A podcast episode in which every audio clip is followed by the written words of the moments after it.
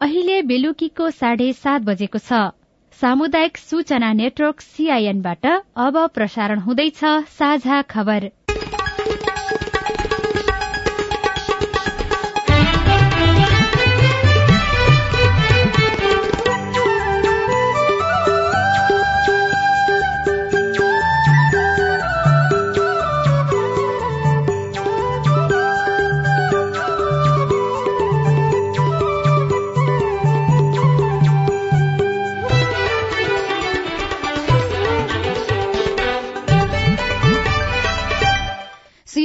साझा खबरबाट सोभिता रिसालको नमस्कार। साझा खबर देशभरिका सामुदायिक रेडियो सीआईएन खबर डट कम र मोबाइल एप सीआईएनमा पनि सुन्न सकिन्छ।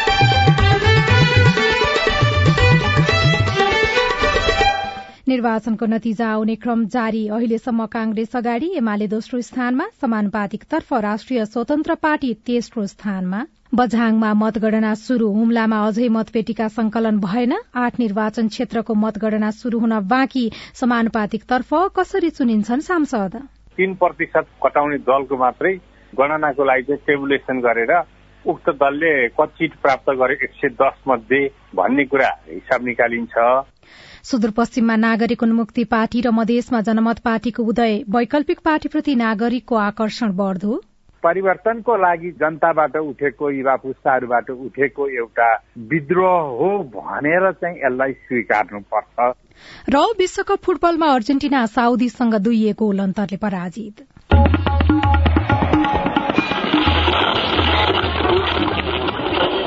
सयौं रेडियो।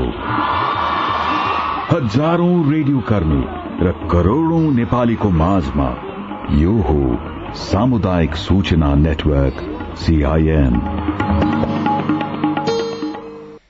निर्वाचनको मत परिणाम सार्वजनिक हुने क्रम जारी छ तर यही गतिमा गणना हुँदा प्रत्यक्षतर्फकै अन्तिम मत परिणाम आइसक्न अझै केही दिन लाग्ने देखिन्छ। हरेक जसो निर्वाचनमा विद्युतीय मतदानको विषय उठ्छ तर यो व्यवस्था हुन नसक्दा प्रत्येक निर्वाचनमा समय र पैसाको खर्च बढ़िरहेको छ। आगामी दिनमा कम्तीमा पनि शहरी क्षेत्रको निर्वाचन क्षेत्रमा विद्युतीय मतदान गर्न सकिने व्यवस्था गर्नुपर्छ। अस्ति आइतबार भएको निर्वाचनको मत परिणाम आउने क्रम जारी रहेको छ। हालसम्मको अवस्थामा प्रत्यक्षतर्फ नेपाली कांग्रेस अगाडि देखिएको छ। कांग्रेसले चार स्थानमा जित निकालेको छ भने सड़चालिस स्थानमा अगाडि रहेको छ। यसै गरी नेकपा एमाले दुई स्थानमा जित निकालेको छ भने एकचालिस स्थानमा अघि रहेको छ। माओवादी केन्द्र पन्ध्र स्थानमा अघि देखिएको छ। राष्ट्रिय स्वतन्त्र पार्टी एघार स्थानमा अघि देखिएको छ। राष्ट्रिय प्रजातन्त्र पार्टी छ स्थानमा अघि देखिएको छ भने एकीकृत समाजवादी आठ स्थानमा अगाडि रहेको छ। जनता समाजवादी पार्टी चार स्थानमा अगाडि रहँदा नागरिक उन्मुक्ति पार्टीले एक ठाउँमा जित निकालेको छ तीन स्थानमा अघि देखिएको छ। लोकतान्त्रिक समाजवादी पार्टी नेपाल भने दुई स्थानमा अघि देखिएको छ। कांग्रेसका महामन्त्री समेत रहनुभएका गगन कुमार थापा काठमाण्डु चारबाट विजयी हुनुभएको छ। काठमाण्डु नौमा एमालेका कृष्ण गोपाल श्रेष्ठ विजयी हुनुभएको छ। नेपाली कांग्रेसका योगेश गौचन थकालीले प्रतिनिधि सभातर्फ मुस्ताङबाट जित हात पार्नु भएको छ। कैलाली क्षेत्र नम्बर तीनबाट नागरिक उन्मुक्ति पार्टीका गंगाराम चौधरी तेइस हजार एक सय बीस मत सहित विजयी हुनुभएको छ। हालसम्मको मत परिणाम अनुसार मध्य प्रदेशको चारवटा प्रदेश सभाको नतिजा सार्वजनिक भएको छ जसमा दुईवटा प्रदेशसभामा नेपाली कांग्रेसले जितेको छ भने दुईवटामा जनमत पार्टीले जित हात पारेको छ। पर्सा क्षेत्र नम्बर दुई कमा नेपाली कांग्रेसका श्याम पटेलले जित हात पार्नु भएको छ भने पर्सा क्षेत्र नम्बर चार कमा कांग्रेसकै शंकर चौधरी विजयी हुनु भएको छ। ललितपुर प्रदेशसभा क्षेत्र नम्बर दुईको दुईमा पनि कांग्रेसले जित हात पारेको छ। कांग्रेसका रामकृष्ण चित्रकारले जित हात पार्नु भएको हो। यस्तै सप्तरी दुईको प्रदेशसभातर्फ एक र दुईमा जनमत पार्टीले जित हात पारेको छ। प्रदेशसभातर्फ एकमा सतीश कुमार सिंह र दुईमा महेश यादव विजयी हुनु भएको छ। बागमती प्रदेशसभातर्फ नेकपा एमाले जित हात पारेको छ। ललितपुर क्षेत्र नम्बर दुईको एकमा रामेश्वर श्रेष्ठ विजयी हुनु भएको छ। राष्ट्रिय प्रजातन्त्र पार्टीका सुनिल केसीले काठमाण्डु क्षेत्र नम्बर दुई अन्तर्गत प्रदेशसभा कमा जित हात पार्नु भएको छ। मुस्ताङको प्रदेशसभा एकमा पनि नेपाली कांग्रेसका नुम्डु गुरूङ निर्वाचित हुनुभएको छ। समानुपातिक तर्फ भने नेकपा एमाले अगाडि देखिएको छ। एमाले हालसम्म एक लाख सत्र हजार मत प्राप्त गरेको छ। नेपाली कांग्रेसले एक लाख छ सय मत प्राप्त गरेको छ भने राष्ट्रिय स्वतन्त्र पार्टीले पचास हजार आठ सय मत प्राप्त गरेको छ।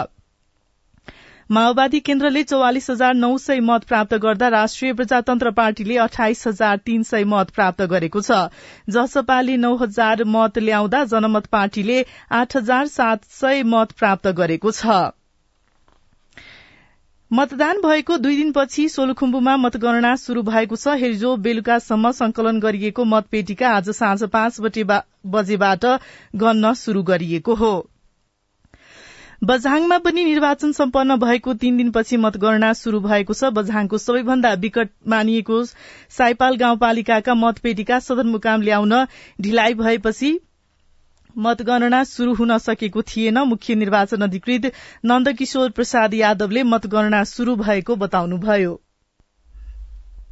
आठवटा निर्वाचन क्षेत्रको मतगणना शुरू हुन बाँकी रहेको छ। ती क्षेत्र मध्ये अधिकांशमा निर्वाचन क्षेत्रका मतपेटिका संकलन भइसकेका छन्। निर्वाचन आयोगका अनुसार बाँकी रहेका केही निर्वाचन क्षेत्रको मतगणना शुरू हुने क्रममा रहेका छन्।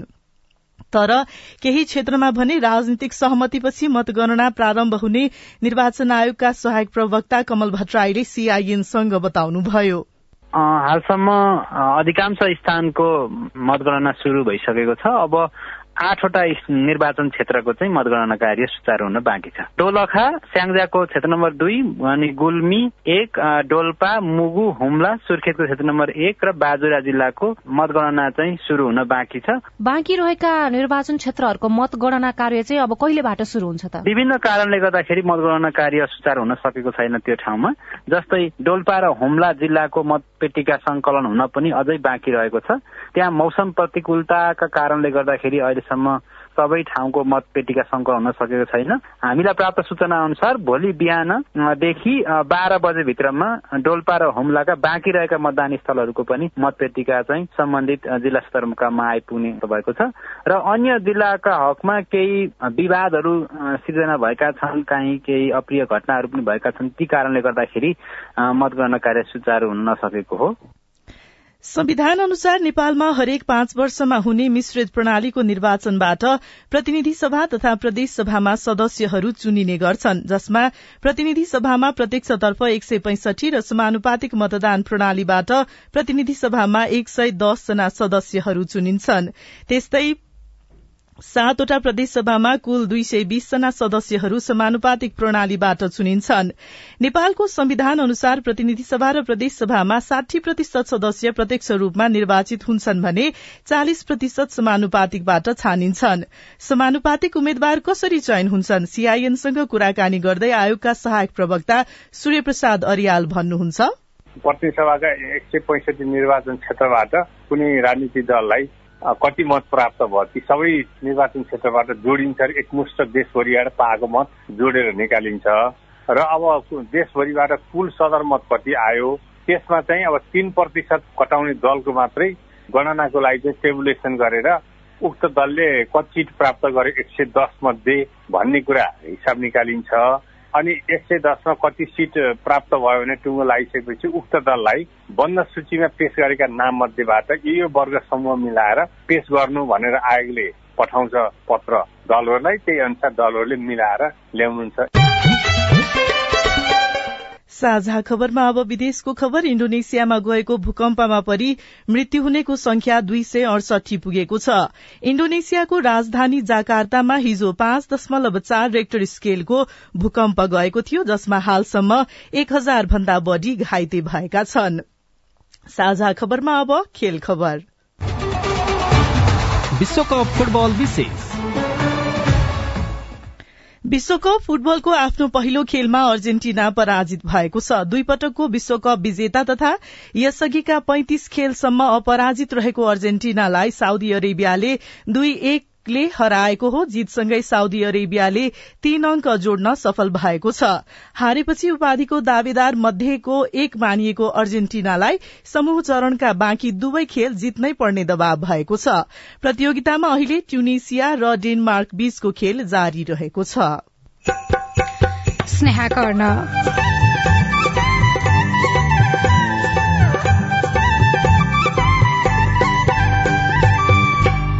जाजरकोटका नवराज विकसहित छ जनाको हत्या प्रकरण न्याय नपाएको पीड़ित परिवारको गुनासो।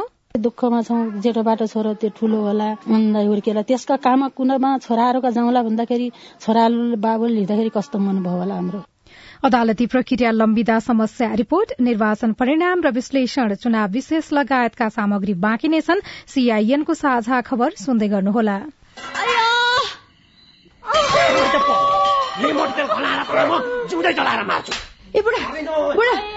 नि त्यो माइलाले त मार्ने भयो त माइलीलाई।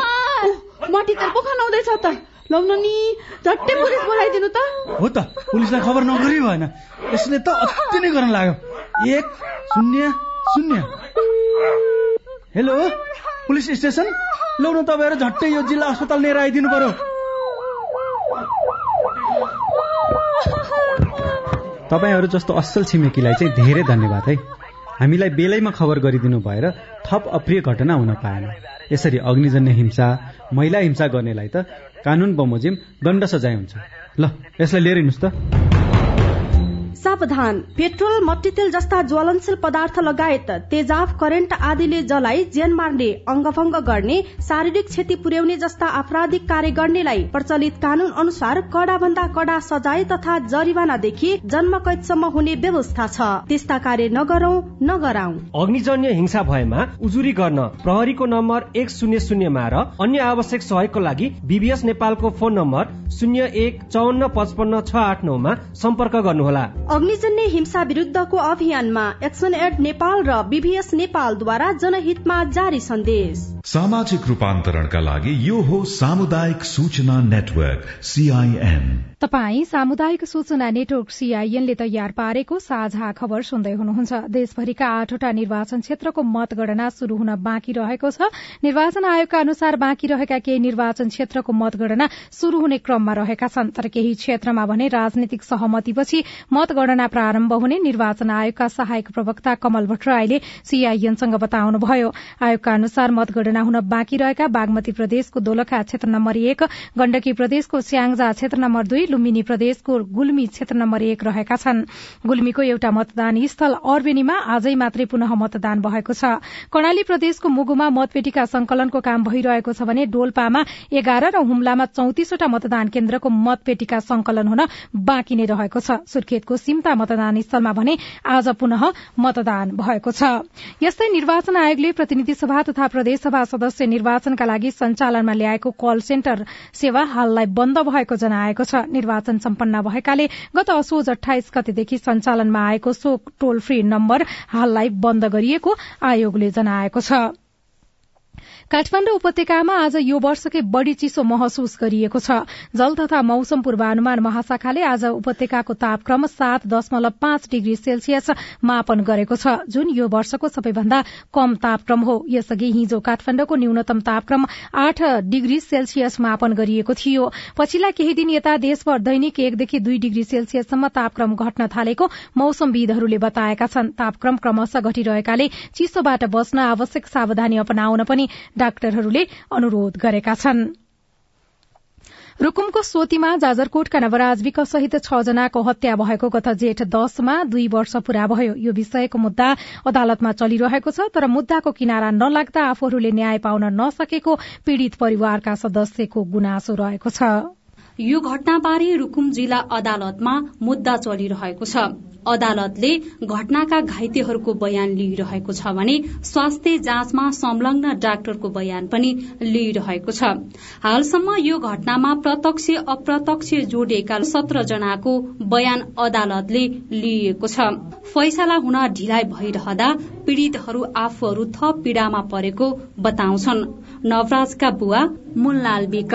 तीन वर्ष पुग्न लाग्दा पनि अहिलेसम्म कुनै केही पनि थाहै छैन हामी के यो देशको नागरिक होइन र हामी दलितले हेपिने चेपिने अझै पनि कहिलेसम्म हामी बसिरहेको छोरालाई गुमाउनु पर्दा चिन्तामा परेका नवराजका परिवार न्याय पनि नपाइने हो कि भन्ने पीरमा रहेका छन् दुई हजार सतहत्तर साल जेठ दश गते अन्तर्जातीय प्रेमको विषयलाई लिएर भएको द्विपक्षीय बीचको भनाभन र आक्रमणमा छ जनाको मृत्यु भएको थियो।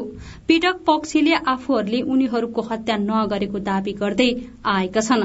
अदालतमा समेत प्रक्रिया लम्बिँदै जाँदा न्याय नपाइने डर रहेको नवराजका आमाको आशंका रहेको छ। त्यस्ता त्यस्ता सुन्यापछि हामी नभए के हुन्थ्यो र क्या पाउँथ्यो र छोरो त गयो गयो अब न्याय पनि पाइन्न कि जस्तो लाग्छ। नवराजका बुवा आमा मात्रै नभएर सञ्जु सुनार लोकेन्द्र सुनार सन्दीप विक टीकाराम सुनार गोविन्द शाही गणेश बुढाका बुवा आमाहरूलाई पनि जवान छोरा गुमाउनु परेको पीड़ा उस्तै छ। सञ्जु सुनारका आमा सविता पिक। एकदमै दुःखमा छौँ जेठोबाट छोरो त्यो ठुलो होला मन्दा हुर्केर। त्यसका काममा कुनामा छोराहरूका जाउँला भन्दाखेरि छोराहरूले बाबुले लिँदाखेरि कस्तो मन भयो होला हाम्रो। हामी त्यो छोराहरूको भाग बिक्री गरेर पनि हामी त्यही पुग्छौँ घटनाका दोषीलाई कारवाही र आफूहरूलाई न्यायको माग गर्दै पीड़ित परिवारका सदस्यले काठमाडौँसम्म पुगेर आन्दोलन गरे। पल पल आँसु पिएर साढे दुई वर्ष भन्दा बढ़ी समय बिताए तर अदालतबाट हुने फैसलामा ढिलाइ भइरहेका कारण आफूहरूलाई झन पीड़ा भएको पीड़ितहरू बताउँछन्। Tika Vishwakarma CIN radio Nalgad FM Jajarkot नागरिकता प्रमाण पत्र चितवन क्षेत्र नम्बर दुईका उम्मेद्वार एवं राष्ट्रिय स्वतन्त्र पार्टीका सभापति रवि लामिछानेले निर्वाचन आयोगमा स्पष्टीकरण बुझाउनु भएको छ। नागरिकता प्रकरणको विषयमा उहाँ विवादमा पर्नु भएको थियो।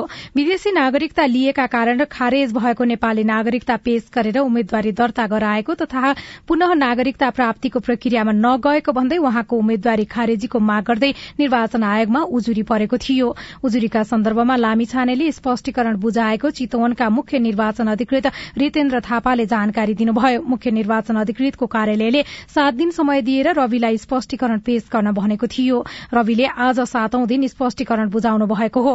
लामिछानेले सातौं दिनको अन्तिम समय पारेर स्पष्टीकरण आज दिउँसो चार तीस बजेतिर मुख्य निर्वाचन अधिकृतलाई सीलबन्दी गरेर बुझाउनु भएको छ। मुख्य निर्वाचन अधिकृत थापाले लामिछानेले बुझाएको स्पष्टीकरणमा सिधै केन्द्रमा पठाउने र केन्द्रले नै निर्णय लिने बताउनुभयो।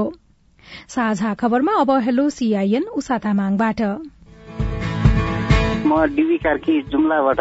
नागरिकताको जन्ममिति र सर्टिफिकेटको जन्ममिति फरक परेको छ। मैले प्रशासनमा जाँदाखेरि एउटै व्यक्ति हो भने प्रमाणित गरेको कागज दिएको छ। लोकसेवा परीक्षामा सहभागी हुन पाउँछु कि पाउँदैन? यदि पाउँछु भने जन्ममिति कुन आधिकारिक हुन्छ? डीबीजी तपाईँको समस्या हामीले जुम्लाका सहायक प्रमुख जिल्लाधिकारी प्रमिला रिजाललाई सुनाएका थियौं। उहाँका अनुसार तपाईँलाई दिइएको सिफारिशका आधारमा सबै परीक्षामा तपाईँ सहभागी हुन सक्नुहुन्छ र जन्ममिति जुन प्रमाण पत्रमा जेठो छ त्यही लागू हुन्छ। मेरो नाम जया भूषाल म अर्घाहाँसीदेखि मैले अहिले एसी दिएको थिएँ र पूरक परीक्षाको फारममा मेरो म्याथको फर्म भरेकी थिएँ। कोड नम्बर साइन्सको परेछ र विद्यालयमा मार्कसिट आइसक्यो तर मेरो रिजल्ट आएन। त्यसको लागि के गर्नु पर्ला जानकारी गराउँदै हुनुहुन्छ राष्ट्रिय परीक्षा बोर्ड भक्तपुरका कक्षा दशका उपनियन्त्रक भक्त गोदार। यहाँले प्राप्त गरेको ग्रेड सिट त्यो सक्कलै यहाँ राष्ट्रिय परीक्षा बोर्ड पनिकामा फिर्ता गर्नुभयो र यहाँ एउटा निवेदन दिनुभयो भने हामी तत्कालै त्यसलाई सुधार गरेर अर्को ग्रेड सिट उपलब्ध गराउने व्यवस्था गर्छौँ। अनि निर्वाचनका कारण जिल्ला प्रशासन कार्यालयहरूबाट नागरिकता राहदानी राष्ट्रिय परिचय पत्र लगायतका सुविधा नपाइएको गुनासो सीआईएनमा प्राप्त भएको छ। जसको जवाफ दिँदै हुनुहुन्छ गृह मन्त्रालयका प्रवक्ता फणिन्द्र मणि पोखरेल। जिल्ला प्रशासन कार्यालयको कर्मचारी प्राय कुनै न कुनै रूपमा काउन्टिङमा अथवा मतदान प्रक्रियामा सहभागी भएको हुन्छ। हामीले पहिलो प्राथमिकता निर्वाचनलाई दिनुपर्ने भएकोले हामी निर्वाचनलाई प्राथमिकता दिन्छौँ। अब त्यो निर्वाचनको काम कतिपय जिल्लामा सकिसकेको छ भने भोलिपल्टदेखि हाम्रो काम सुरु भइहाल्छ। सकिन बाँकी छ भने केही प्रभावित हुन्छ अलिकति गाह्रो अप्ठ्यारो चाहिँ हुन्छ। हामीले त्यसलाई गाह्रो अप्ठ्यारो गर्दा गर्दै पनि दिन चाहिँ दिन्छौँ। तपाई जुनसुकै बेला हाम्रो आइभीआर नम्बर शून्य एक बान्न साठी छ चार छमा फोन गरेर आफ्नो विचार गुनासो प्रश्न तथा प्रतिक्रिया रेकर्ड गर्न सक्नुहुन्छ। तपाई सामुदायिक सूचना नेटवर्क सीआईएनले काठमाण्डुमा तयार पारेको साझा खबर सुन्दै हुनुहुन्छ। साझा खबर मोबाइल एप नेपाली पात्रबाट पनि सुनिरहनु भएको छ। निर्वाचनको मत परिणाम आउने क्रम जारी। नयाँ मान्छेहरू आइसकेपछि अब नयाँ विचार हुन्छ होइन। अब अन्यले चाहिँ अब राम्रो काम गर्दै हुन्थ्यो जस्तो लाग्छ। पुरानो भन्दा पनि राम्रोले होइन केही गर्छ कि जस्तो लाग्छ। कमजोरी सच्याउँदै अगाडि बढ़नुपर्नेमा नागरिकको जोड़ रिपोर्ट नयाँ व्यक्ति वा शक्तिप्रतिको मतदाताको रूचिलाई कसरी लिन सकिन्छ? कुराकानी सहितको निर्वाचन विशेष सामग्री बाँकी नै छ। सीआईएनको साझा खबर सुन्दै गर्नुहोला।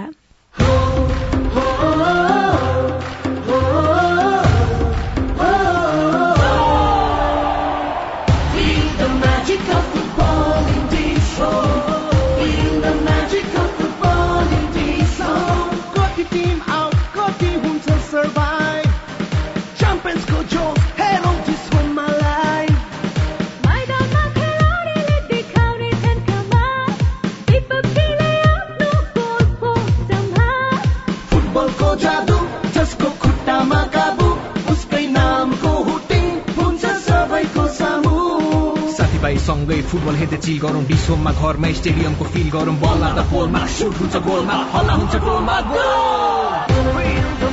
विश्वकप फुटबलको म्याजिक हेर्नुहोस् विश्वमा लाइभ नेपाल टेलिकमको सूचनाको संसार होइन के सुनेको यस्तो ध्यान दिएर दोहोरो बोलेको जस्तो नि देख्दिन तिन दुई एक शून्य शून्य क्या तिन दुई एक शून्य शून्य के हो त्यो भने बुझिन त ल सुन एनटिसी प्रयोगकर्ताहरूले आफ्नो मोबाइल तथा ल्यान्डलाइनमा तीन दुई एक शून्य शून्य डायल गरी समाचार रेडियो कार्यक्रम खेल र अन्य विषयबारे सन्देशहरू जुनसुकै बेला निशुल्क सुन्न सक्छन्। ओहो निशुल्क?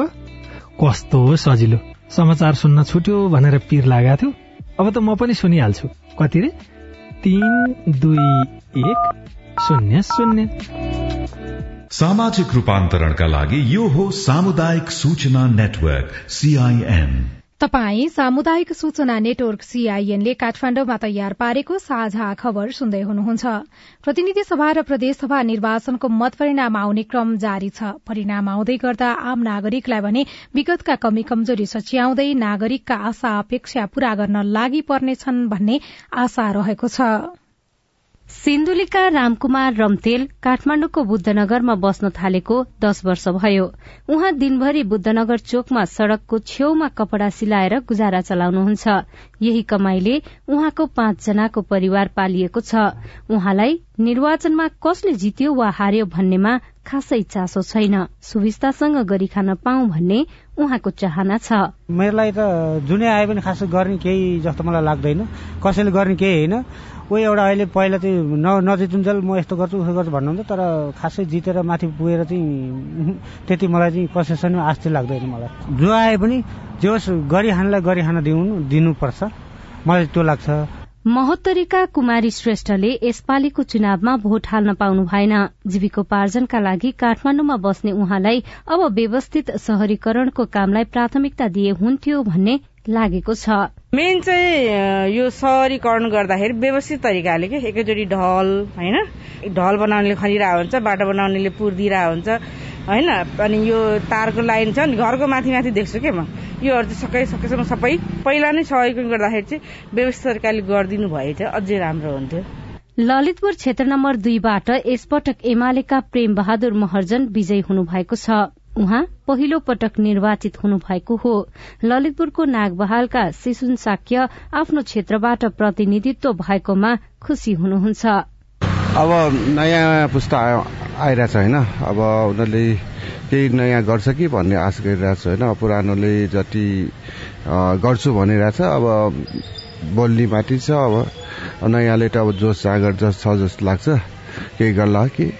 ललितपुर क्षेत्र नम्बर दुईकै पाटनका सुनिल साक्य निर्वाचनबाट नयाँ पुस्ताका धेरै उम्मेद्वार विजय हुने छाँटकाँट देखिएकोमा दंग हुनुहुन्छ। अब अघिल्लो पुस्ताका नेताले सरसल्लाह दिएर अभिभावकको भूमिका निर्वाह गर्नुपर्ने साक्यको सुझाव छ। नयाँ मान्छेहरू आइसकेपछि अब नयाँ विचार हुन्छ होइन। अब उनीहरूले चाहिँ अब राम्रो काम गर्दै हुन्थ्यो जस्तो लाग्छ। पुरानो भन्दा पनि राम्रोले होइन केही गर्छ कि जस्तो लाग्छ। आश त छ। पुरानोले अहिलेसम्म केही गरेको छैन होइन।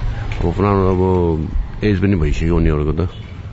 उनीहरूले अब आराम गरेर अब सल्लाहकारमा बसेर अब नयाँ पिँढीहरूलाई चाहिँ सुझाव कसरी गर्न सकिन्छ त्यति मात्रै हो निर्वाचनको मत परिणाम आउँदै गर्दा केही ठाउँमा पुरानै उम्मेद्वार दोहोरी रहेका छन् भने कतै मतदाताले नयाँ उम्मेद्वारलाई मौका दिइरहेका छन्। विजेताले आशा र अपेक्षा पूरा गर्न नसकेको भनेर नागरिकको चर्को गुनासो रहँदै आएको छ। नागरिकसँग यसपटक निर्वाचित सांसदले नयाँ ढंगले काम गर्लान् भनेर भर पर्नुको विकल्प छैन। सजना तिमल सिन्हा सीआईएन काठमाडौँ। यसपालिको निर्वाचनको प्रारम्भिक नतिजाले मतदाताले पार्टी भन्दा पनि उम्मेद्वारलाई प्राथमिकता दिएको देखिन्छ तर पनि कतिपय नेताले एकै क्षेत्रबाट दोहोरो तेह्रो जीत निकालिरहेका छन्। नयाँ व्यक्ति वा शक्तिप्रतिको मतदाताको रूचिलाई कसरी लिन सकिन्छ? हामीले विश्लेषक प्राध्यापक डाक्टर राजेश गौतमसँग कुराकानी गरेका छौं।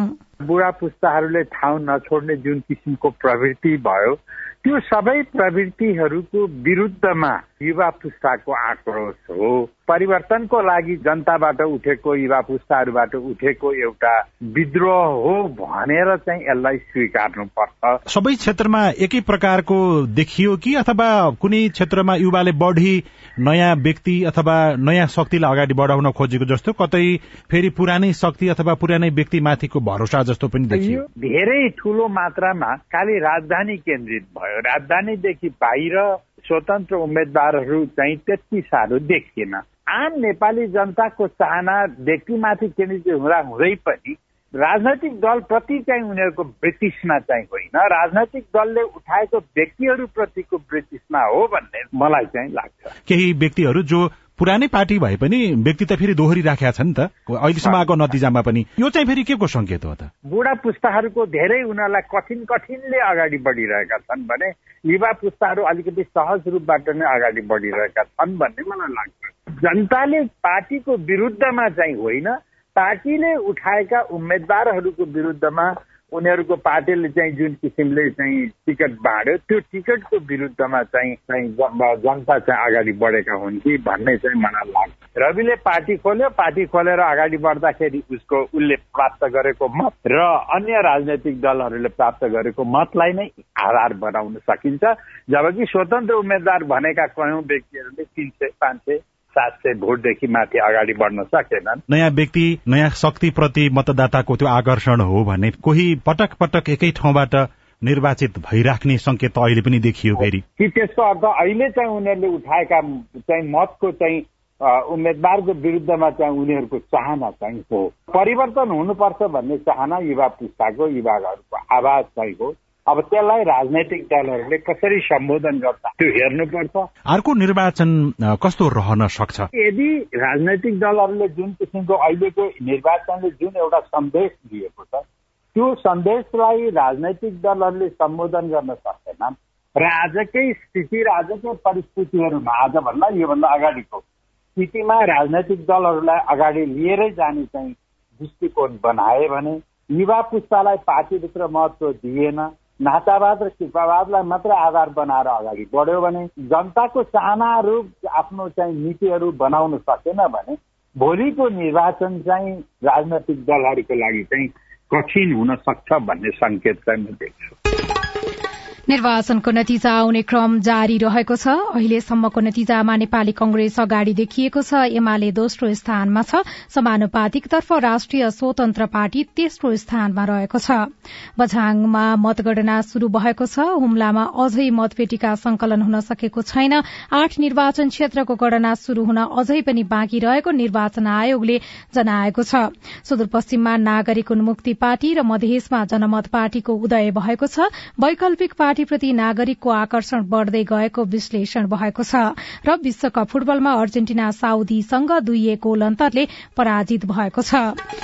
आजलाई साझा खबरको समय सकियो। प्राविधिक साथी सुरेन्द्र सिंहलाई धन्यवाद। भोलि मंगिर सात गते बिहान छ बजेको साझा खबरमा फेरि भेटौँला। अहिलेलाई सोभिता रिसाल पनि विदा हुन्छु। यसपछि साझा खबर निर्वाचन विशेष प्रत्यक्ष प्रसारण हुनेछ। सुन्ने प्रयास गर्नुहोला।